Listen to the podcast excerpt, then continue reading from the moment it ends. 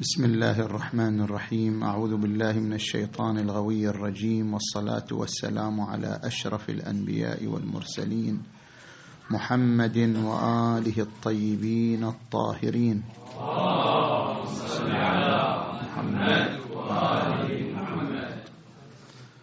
بسم الله الرحمن الرحيم. فمن اتبع هداي فلا يضل ولا يشقى. ومن أعرض عن ذكري فإن له معيشة ضنكا ونحشره يوم القيامة أعمى. قال رب لم حشرتني أعمى وقد كنت بصيرا. قال كذلك أتتك آياتنا فنسيتها وكذلك اليوم تنسى. آمنا بالله صدق الله العلي العظيم.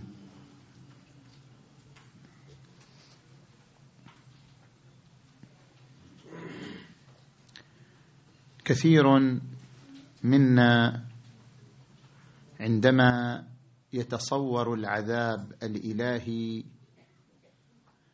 يتصور أن العذاب الإلهي كالعذاب الدنيوي.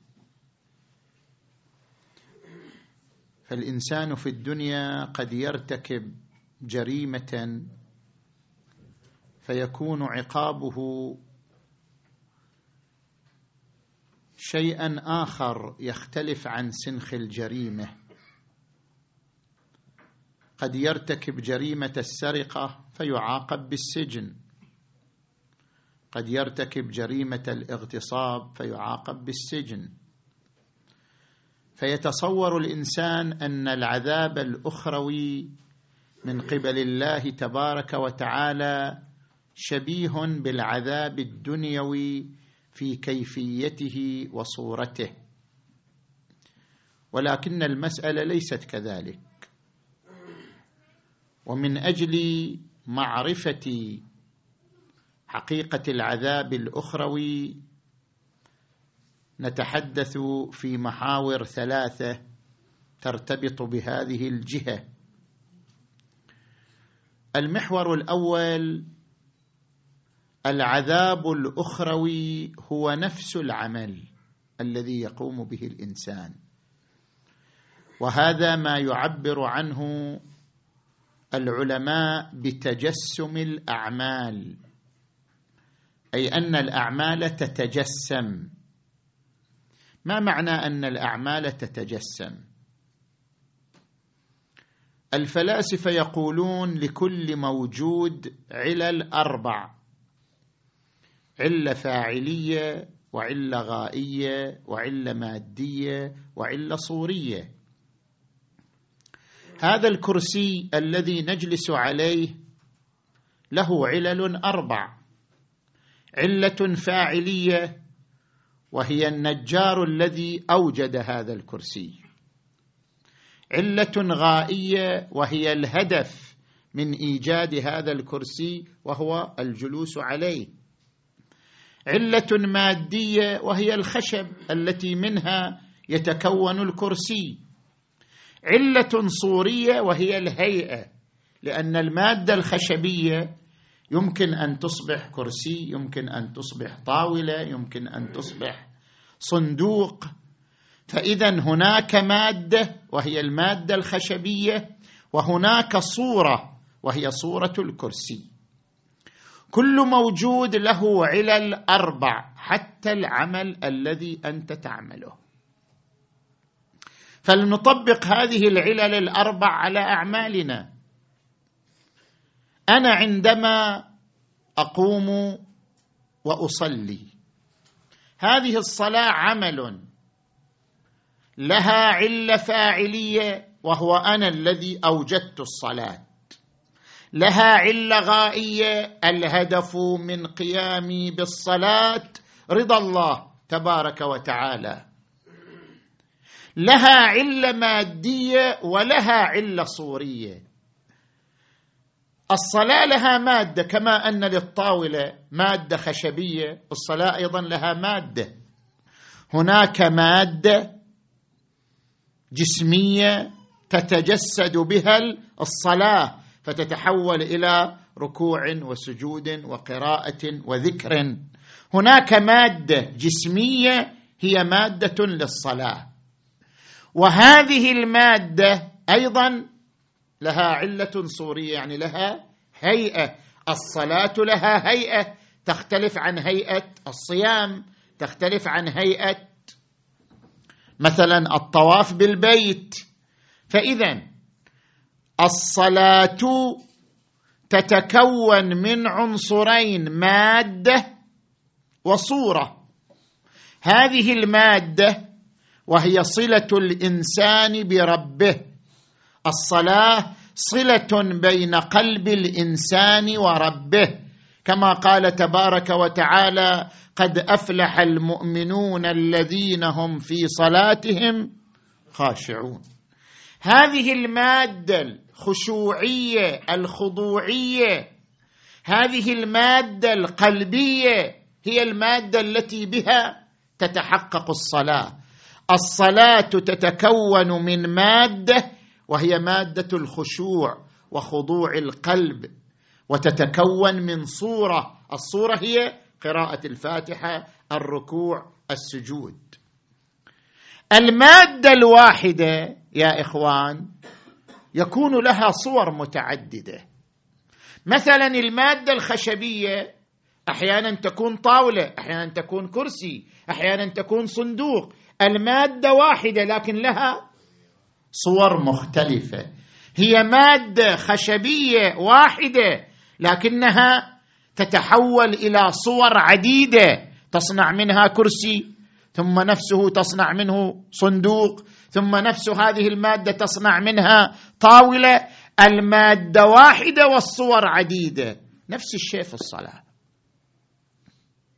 المادة الخضوعية الخشوعية التي تبذلها أنت في صلاتك.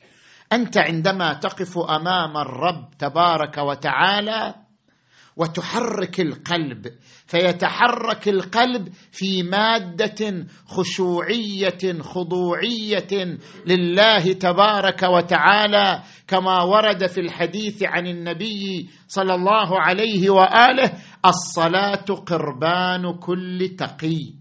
الصلاة معراج المؤمن. عروج. ترى روحك روحك تعرج أثناء الصلاة. الروح تعرج أثناء الصلاة. إذا كانت الصلاة صلاة خاشعة. الصلاة معراج المؤمن. روحك تعرج إلى عالم الملكوت. تعرج إلى عالم أسمى أثناء الصلاة. إذا كانت الصلاة خاشعة خاضعة. الإمام أمير المؤمنين علي عليه السلام نظر إلى رجل يصلي وهو يعبث بلحيته. قال لو خشع قلبه لخشعت جوارحه. لو كان قلبه يعيش الصلاة لكان بدنه أيضا يعيش الصلاة. لكان يصلي مطأطئا يصلي خاضعا. لو خشع قلبه لو خشع قلبه لخشعت جوارحه. هذه المادة الخشوعية في الدنيا لها صورة وهي صورة الركوع والسجود. نفس هذه المادة الخشوعية في الآخرة تتحول إلى صورة أخرى. مثل المادة الخشبية تماما. مادة خشبية تتحول من صندوق إلى كرسي. الصلاة أيضا مادة خشوعية قلبية تتحول من صورة إلى صورة. هي في الدنيا صورتها الركوع والسجود وهي في القبر صورتها النسيم العليل وهي في الآخرة صورتها القصر والنهر والشجرة. مادة واحدة لكن لها صور متعددة. هذا معنى تجسم الأعمال. الأعمال تتجسم يعني المادة تلبس صورة بعد صورة. نجي إلى المعصية والعياذ بالله. الإنسان الذي يريد أن يعصي ربه. ترض هذا الإنسان يصرف إلى نصف ساعة يستمع إلى الأغنية المطربة. وبنشوة وبطرب وتفاعل. نصف ساعة يقضيها في استماع الأغنية. هذه الأغنية هذا الاستماع يتكون من مادة وشنو؟ وصورة. المادة هي الحركة الطربية للقلب. هذه مادة الغناء. الصورة هي الصوت الجميل أو الذبذبات الجميلة التي ترد على ذهنك ترد على أذنك. اذا الأغنية مكونة من مادة وهي حركة طربية وصورة وهي ذبذبات صوتية معينة. هذه المادة تتحول إلى حميم في نار جهنم. المادة هي نفسها ما في شيء ثاني إنما كانت بصورة أصبح لها صورة أخرى. اذا بالنتيجة عندما نقرأ قوله تعالى إنما تجزون ما كنتم تعملون عملكم هو جزاؤكم ما في شيء ثاني. لا تتصور الجزاء الأخروي كالجزاء الدنيوي. إنسان يسرق يدخلوه السجن. دخول السجن شيء والسرقة شيء آخر. الجزاء الدنيوي يختلف عن الجريمة أما الجزاء الأخروي هو نفس الجريمة مادة المادة التي كانت بصورة جريمة تحولت إلى صورة أخرى صورة العذاب. إنما تجزون ما كنتم تعملون يوم تجد كل نفس يوم تجد كل نفس ما ما مضمون الآية المباركة ما قدمت من خير محضرا. وما عملت من سوء تود لو أن بينها وبينه امدا بعيدا. ما عملته من خير تجده محضرا أمامها. من يعمل مثقال ذرة خيرا يره ومن يعمل مثقال ذرة شرا يره. عملك هو جزاؤك. اذا حقيقة العذاب هي أعمالنا مو شيء ثاني. العذاب هو نفس أعمالنا. الجنة هي نفس أعمالنا. النار هي نفس أعمالنا. وليست شيئا آخر ابدا. لذلك عندما تقرأ قوله تعالى قوا أنفسكم وأهليكم نارا وقودها الناس. تستغرب كيف الناس يصيروا وقود للنار. لأن الأعمال هي نفسها النار وليست شيئا آخر.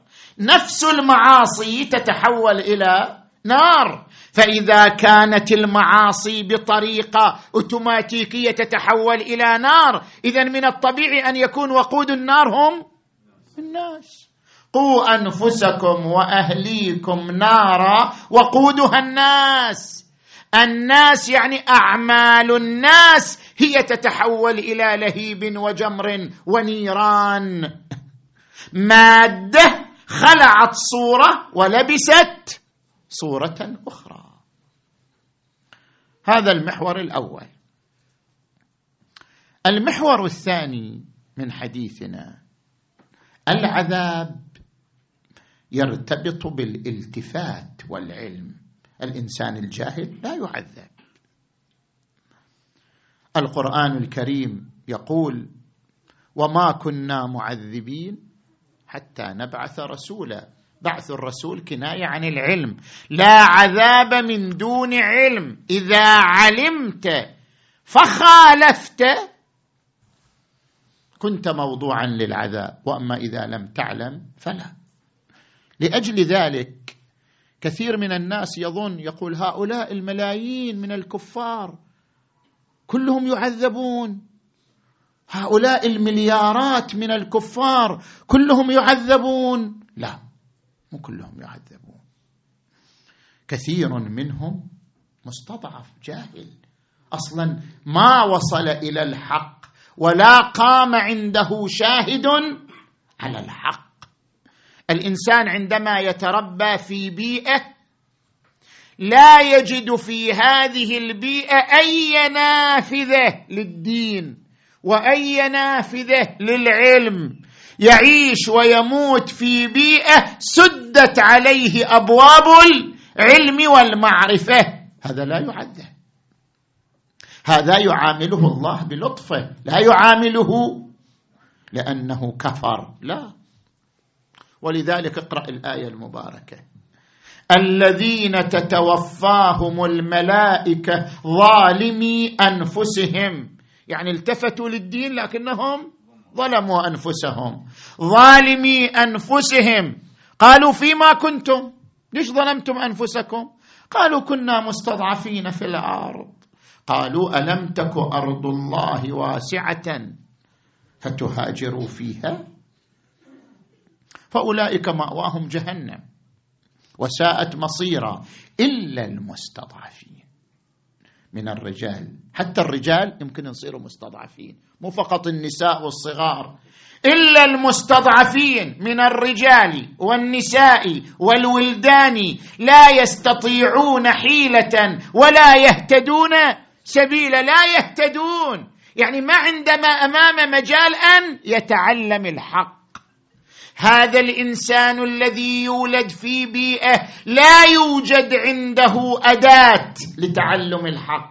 لا يوجد عنده مجال لتعلم الحق. يولد ويموت في تلك البيئة. هذا إنسان معذور. يعامله الله بلطفه. إلا المستضعفين من الرجال والنساء والولدان لا يستطيعون حيلة ولا يهتدون سبيلا. أولئك عسى الله أن يعفو عنهم وكان الله عفوا غفورا. ولذلك الإنسان يحاسب بمقدار علمه. كلما زاد علمه زاد حسابه. الحساب بمقدار العلم والعذاب بمقدار العلم. فإذا كان جاهلا لم يصل إلى العلم بطريق من الطرق كان معذورا. يعامله الله بلطفه. وما ربك بظلام للعبيد. لذلك ورد عن الإمام الصادق عليه السلام يوقف العبد يوم القيامة. فيقال ما عملت؟ وين أعمالك؟ فيقول ما علمت. فيقال هلا. تعلمت يعني انت كان عندك طرق تقدر تتعلم. هلا تعلمت؟ فتعمل ولله الحجة البالغة. فمن اتبع هداي فلا يضل ولا يشقى. ومن أعرض عن ذكري من ارتكب المعصية فمعصيته ستتحول إلى شيء آخر.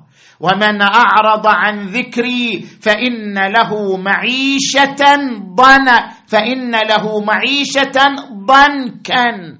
نفس المعاصي تتحول إلى معيشة تتحول إلى طعام. طعامك في النار من معاصيك.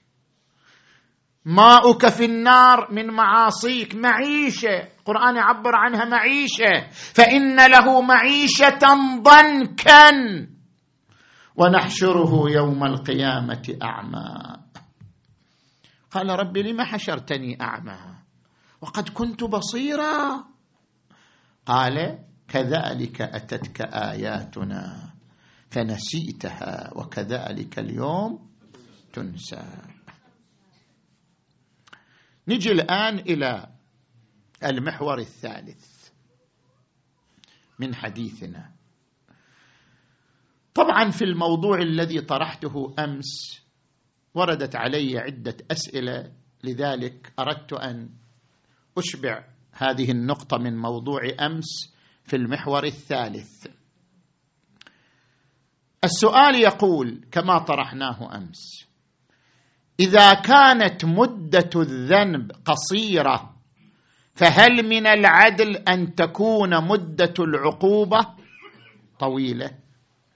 إذا كان الذنب قد استغرق ساعة أو استغرق سنة أو استغرق مئة سنة فهل من العدالة الإلهية أن يكون عذاب مئة سنة مليار سنة؟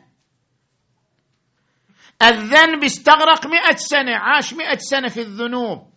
هل من العدالة الإلهية أن يعذب مليون مليار سنة؟ مقتضى العدالة أن ينسجم حجم العذاب مع حجم المعصية. فما هو الجواب عن هذا السؤال؟ التفتوا إلي جيدا. هناك ثلاثة أجوبة. إحنا أمس ذكرنا جواب واحد. نذكر اليوم ثلاثة أجوبة. الجواب الأول. شناعة الذنب ليست في كميته وإنما شناعة الذنب في كيفيته.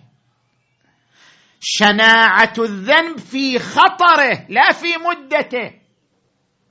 كم مدة الذنب؟ مو مهم. خطر الذنب ما هو؟ كيف؟ الآن أضرب لك مثال. الإنسان الذي يلقي قنبلة على مدينة صحيح لو لا؟ يلقي قنبلة على مدينة يهلك في دقيقة واحدة مليون إنسان. إذا بتنظر إلى مدة الذنب كم مدة الذنب؟ دقيقة. بس بس الحجم كم؟ ليست ليس قياس الذنب بمدته. هذا خطأ. حتى من ناحية قانونية. من ناحية قانونية والله إنسان يدخل على بيت إنسان ويسرق في دقيقة واحدة يسرق له شيك بمليون دولار. يقول والله الذنب كان دقيقة. يقولوا شكل يقولوا لا شنو. شناعة الذنب بخطورته وخطورته بأثره. الذنب لا يقاس بالدقائق لا يقاس بالمدة لا يقاس بالساعات. يقاس الذنب بخطر أثره. إنسان يلقي قنبلة على مدينة تهلك مليون إنسان في دقيقة واحدة يعتبر هذا الجرم مليون جريمة لأنه قتل شنو؟ مليون إنسان ولكل إنسان نفس قضى عليها وأزهقها وحرمها من الحياة. اذا هذا الذنب شنو علاجه؟ واحد يهلك مليون إنسان لكن في دقيقة واحدة. هل يستطيع أحد أن يعترض يقول كيف كيف تعذبه مليون سنة وهو أذنب في دقيقة واحدة؟ مو قاعد يقول له؟ ما هو أهلك مليون إنسان. ولكل إنسان حياة ورزق وعطاء. عندما يقوم ظالم من الظلمه ظالم من الظلمه مثل صدام ويهلك الحرث والنسل. الأسلحة التي قذفها صدام على الخليج لوثت البحر فضلا عن البشر. قتلت البشر لوثت البحار لوثت الأنهار لوثت البيئة لوثت الأجواء الصحية كلها. النتيجة ما هي؟ ما هي النتيجة؟ النتيجة حسب التقارير. التقارير الطبية البصرة والكويت إلى مئة سنة قادمة تعيش أمراض. إلى مئة سنة. آلاف الأمراض آلاف السرطانات آلاف الناس يموتون لمئة سنة. كلها بسبب ذنب صدر من بشر. اذا هل هنا يمكن أن يقال الذنب قصير؟ كيف تعذب عذاب طويل؟ شنو قصير؟ لا يقاس الذنب من الناحية القانونية بالمدة يقاس بالأثر. ما هو أثره؟ هذا الذنب القصير أثره ملايين الموتى لمدة مئة سنة. فإذا كان الذنب بهذا الحجم فما هو الحجم من العذاب المناسب لهذا الذنب؟ اذا مسألة إدخال الكمية والمدة الزمنية في حساب العدالة هذا مقياس شنو؟ مقياس خاطئ. نجي إلى الجواب الثاني. لاحظوا يا إخوان أنتم عندما تقرؤون ما ورد عن النبي محمد. محمد محمد نية المؤمن خير من عمله.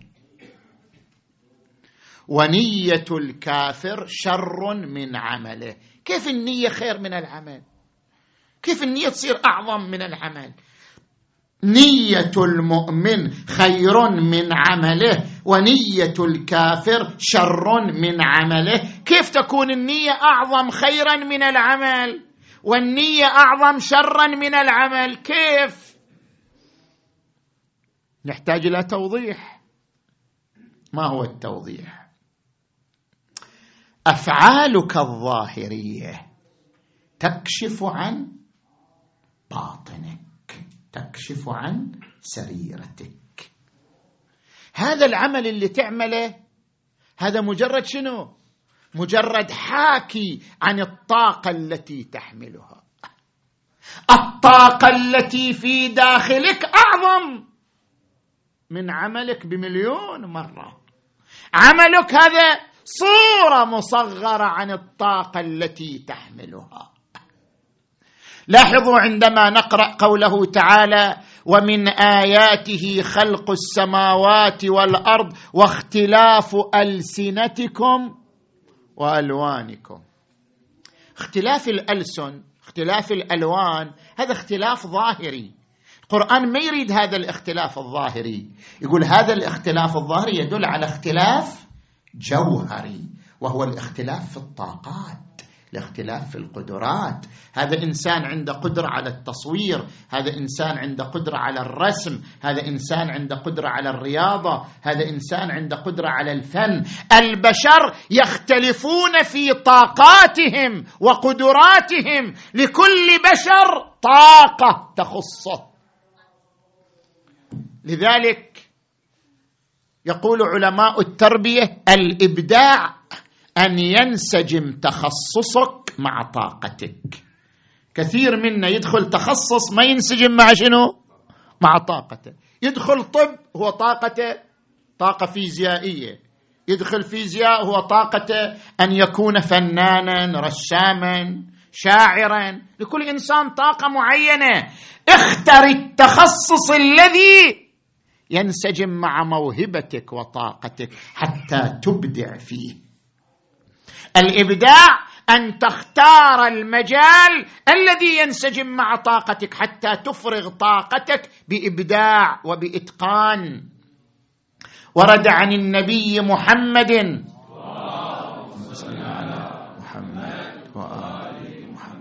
الطرق إلى الله بعدد أنفاس الخلائق. يعني شنو؟ كل مخلوق إلى نفس يدله على الله. وهذا النفس هو الطاقة التي أعطيت إياها. كل واحد من عندنا له نفس يدله على الله ونفسه هي طاقته التي أودعه الله فيها. الطرق إلى الله بعدد أنفأس الخلائق. كل واحد عنده طاقة. زين. فما يصدر منك من عمل شيء قليل. ما تحمله في طاقتك أكثر بذلك. يعني الآن أنت مثلا تعيش خمسين سنة تعيش سبعين سنة العمل الذي يصدر منك مدة خمسين سنة هو هذا طاقتك؟ لا طاقتك أكبر. طاقتك أكبر من عمرك. طاقتك أكبر من السنين التي تعيشها. طاقتك أكبر من الأعمال التي تصدر منك. كل إنسان يحمل طاقة أكبر من عمره أكبر من السنين التي يعيشها وعمله ما هو إلا صورة مصغرة عن طاقته التي يحملها. لذلك ورد عن الإمام أمير المؤمنين علي عليه السلام قيمة كل امرئ ما يحسنه أن يصدر منك عمل يدل على أن لك طاقة حسنة. قيمة كل امرئ ما يحسنه وورد عنه عليه السلام المرء مخبوء تحت طي لسانه لا تحت طي لسانه طاقتك هي التي تحدد شخصيتك. من هنا نفهم شنو معنى نية المؤمن خير من عمله شوف هذا المؤمن يبني مستشفيات يبني مبرات يساعد المستضعفين يساعد الأيتام لكن هذا المؤمن لو عاش ألف سنة لصدرت منه أعمال أعظم مما صدرت منه. لما؟ لأن الطاقة الإيمانية التي يحملها بين جنبيه أعظم بكثير من الإنجازات والأعمال التي تصدر منه.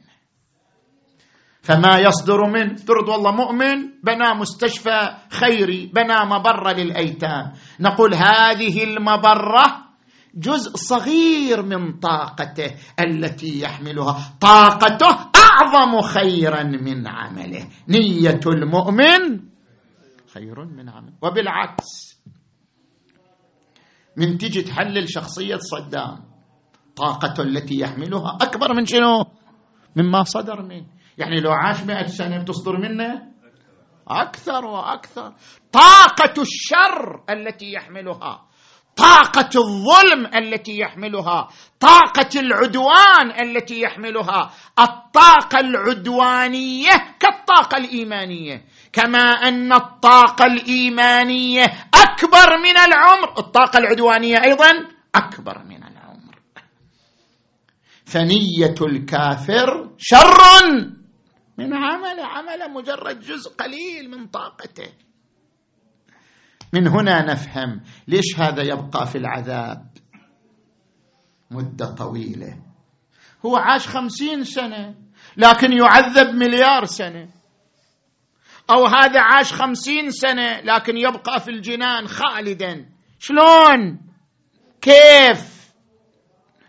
الإمام الصادق يشرح لنا ذلك. سئل الإمام الصادق لم يخلد المؤمن في الجنة ويخلد الكافر في النار؟ ليش؟ قال لأن المؤمن أخذ عهدا على نفسه أنه لو خلده الله في الدنيا لما ترك الإيمان. والكافر أخذ عهدا على نفسه أنه لو خلده الله في الدنيا لما ترك الكفر. يعني طاقة الإيمان اللي يحملها المؤمن طاقة أبدية. وطاقة الكفر التي يحملها الكافر طاقة أبدية. لو عاش هذا المؤمن في الدنيا خالدا ما ترك الإيمان. ولو عاش هذا الكافر في الدنيا خالدا ما ترك الكفر. فإذا كانت الطاقة أكبر من العمر اذا أين تستنفذ الطاقة؟ الله يعطيه المجال اللي يستنفذ فيه طاقته بعد. هذا المؤمن له طاقة إيمانية لم يتمكن المؤمن من استنفاذها في سبعين سنة عاشها يستنفذ طاقته في الجنة.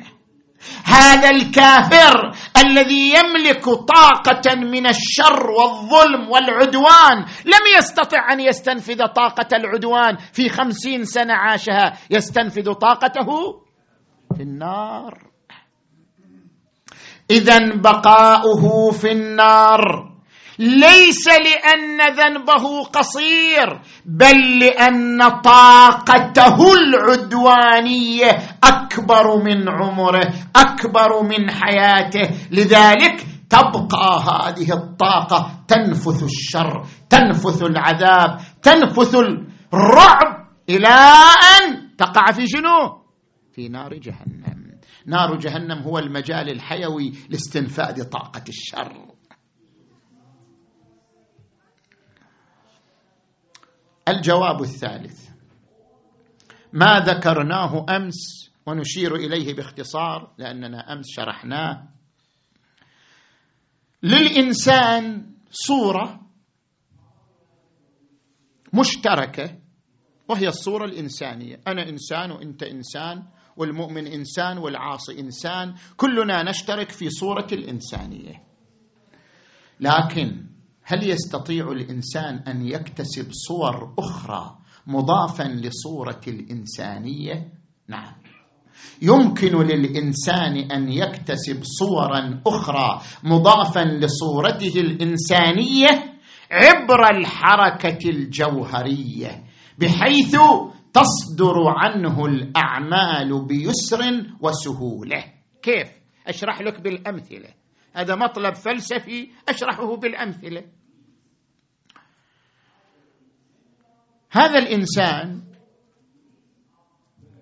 افترض مثلا مثل جسمي أنا مو جسم رياضي مو متعود على الرياضة. صحيح؟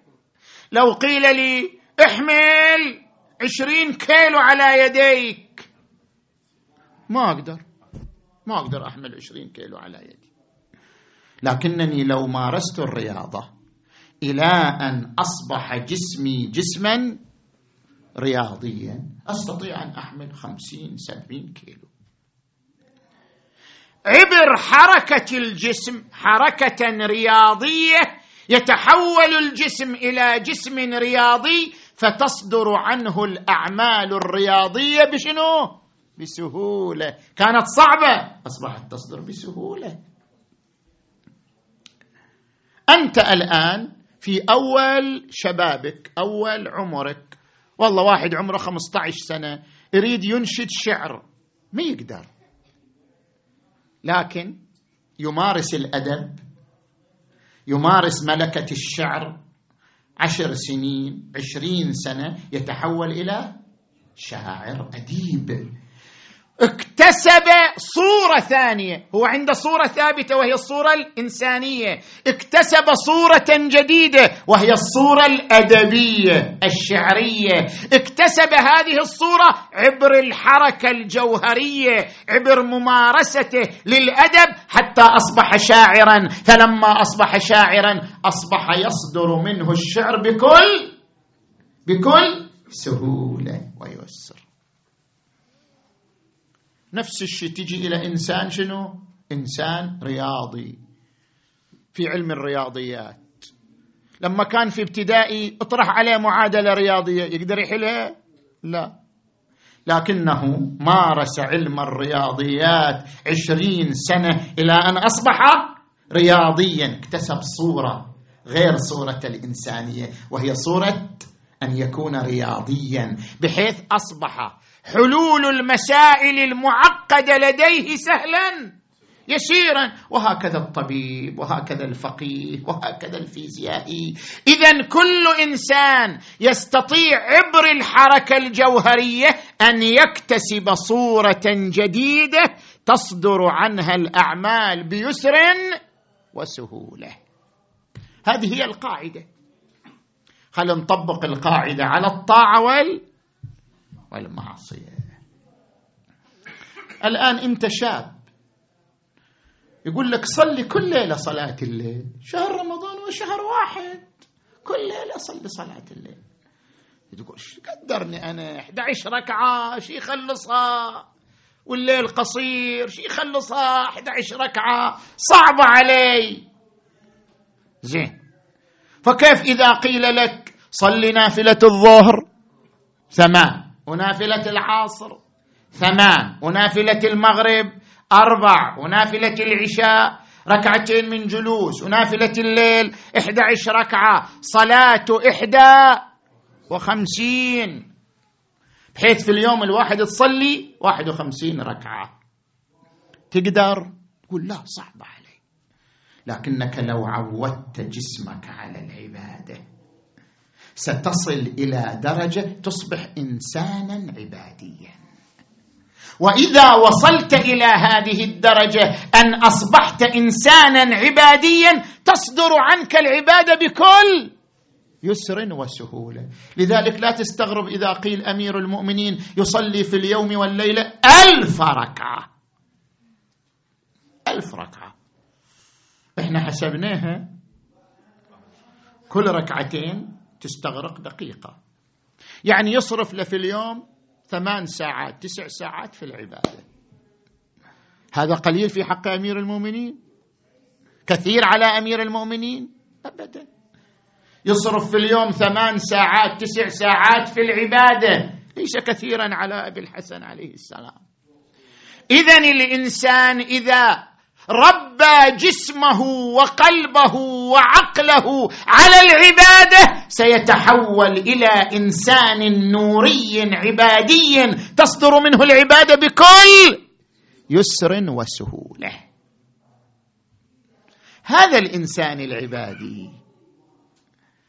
العبادة ما هي؟ ترى العبادة مو حركة بدنية إنما البدن يطاوع الروح. وإذا حلت الهداية قلبا نشطت للعبادة الاعضاء البدن يتبع الروح ترى. إذا كانت روحك قوية البدن سيصبح تابعا لروحك.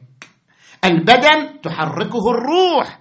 إذا الروح عندها قوة إرادة تتحمل العبادة سيتحملها البدن جزما العبادة حركة قلبية.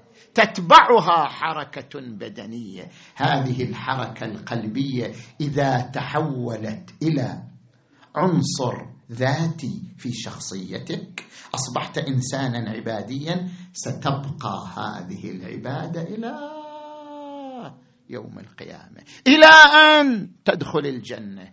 أنت تدخل الجنة. بعض المؤمنين مشغول بالحور والولدان. بل أنت لكن أنت شنو؟ مشغول بلقاء الله مشغول بشهود أسماء الله وصفاته. إنت تحولت إلى قطعة من العبادة. خلاص. أصبحت قطعة من العبادة قطعة من النور. لذلك ورد عن الإمام أمير المؤمنين علي عليه السلام ركعة لي في دنياكم أحب إلي من الجنة وما فيها. الجنة يعني القصور والولدان والحور. أنا مو هذا اللي مو هذا اللي يهمني. يهمني لقاء الله لقاء المحبوب. اذا إذا تحول الإنسان إلى قطعة من العبادة تبقى هذه الروح العبادية حتى بعد دخوله الجنة. فهو يعيش دائما في حالة عباده وتعلق بالله وارتباط بالله عز وجل. والعكس والعكس بالعكس تماما. إذا اعتاد الإنسان على الظلم والجريمة والمعصية يتحول إلى قطعة من الظلم والمعصية. حتى إبليس يخاف منه. شوف حتى إبليس يخاف من الإنسان. إن كيد الشيطان كان ضعيفا. الشيطان أضعف منك. أنت أحيانا أنت أحيانا تخيف الشيطان. الشيطان أضعف من الإنسان. إن كيد الشيطان كان ضعيفا. إذا الإنسان أصر على الظلم أصر على المعصية أصر على العدوان سوف يصبح قطعة من العدوان. قطعة من الظلم. قطعه من النار. وإذا تحول إلى قطعة من النار يصدر منه اللهب بسهولة. كما أن المطيع يصدر منه النور بسهولة. العاصي يصدر منه لهب النار بسهولة. ولذلك الله تبارك وتعالى عندما يتحدث عن المؤمنين يقول يوم لا يخزي الله النبي والذين آمنوا معه نورهم يسعى بين أيديهم وبأيمان. يجي يوم القيامة كلهم أنوار. نورهم يسعى بين أيديهم وبأيمانهم. يقولون ربنا أتمم لنا نورنا. أنوار. قطعة من النور. يبقى يشع نور. حتى وهو في الجنة. لذلك يبقى في الجنة لأن الجنة هي محل النور. وذلك الذي تربى على الظلم والعدوان حتى أصبح قطعة من الظلم والعدوان. أصبح قطعة من النار. في أي مكان تضعه ينفث نارا ينفث لهبا ينفث جحيما. كما ذكرنا في المحور الأول أن أعمالنا هي جزاؤنا معاصي المعاصي هي نفس النار. فإذا كان طول عمره في المعصية اذا هو طول عمره في شنو؟ في نار. إلى أن أصبح قطعة من النار. فإذا أصبح قطعة من النار فلا ينفث إلا نارا.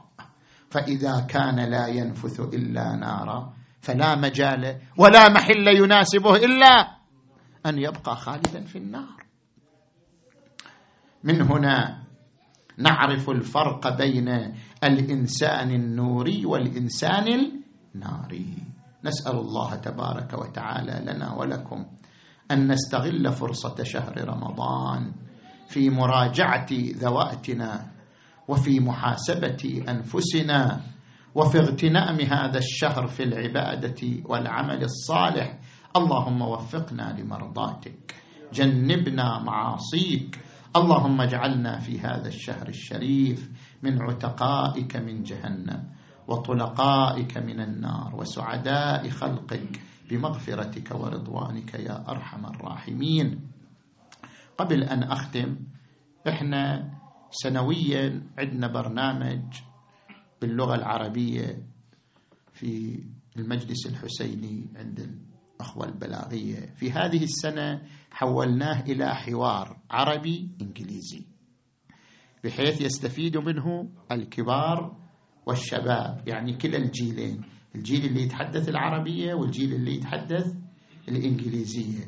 ندوة حوارية في كل ليلة من الليلة القادمة مو هذه الليلة الليلة القادمة الساعة الحاد العاشرة والنصف يعني بعد الإفطار ندوة حوارية.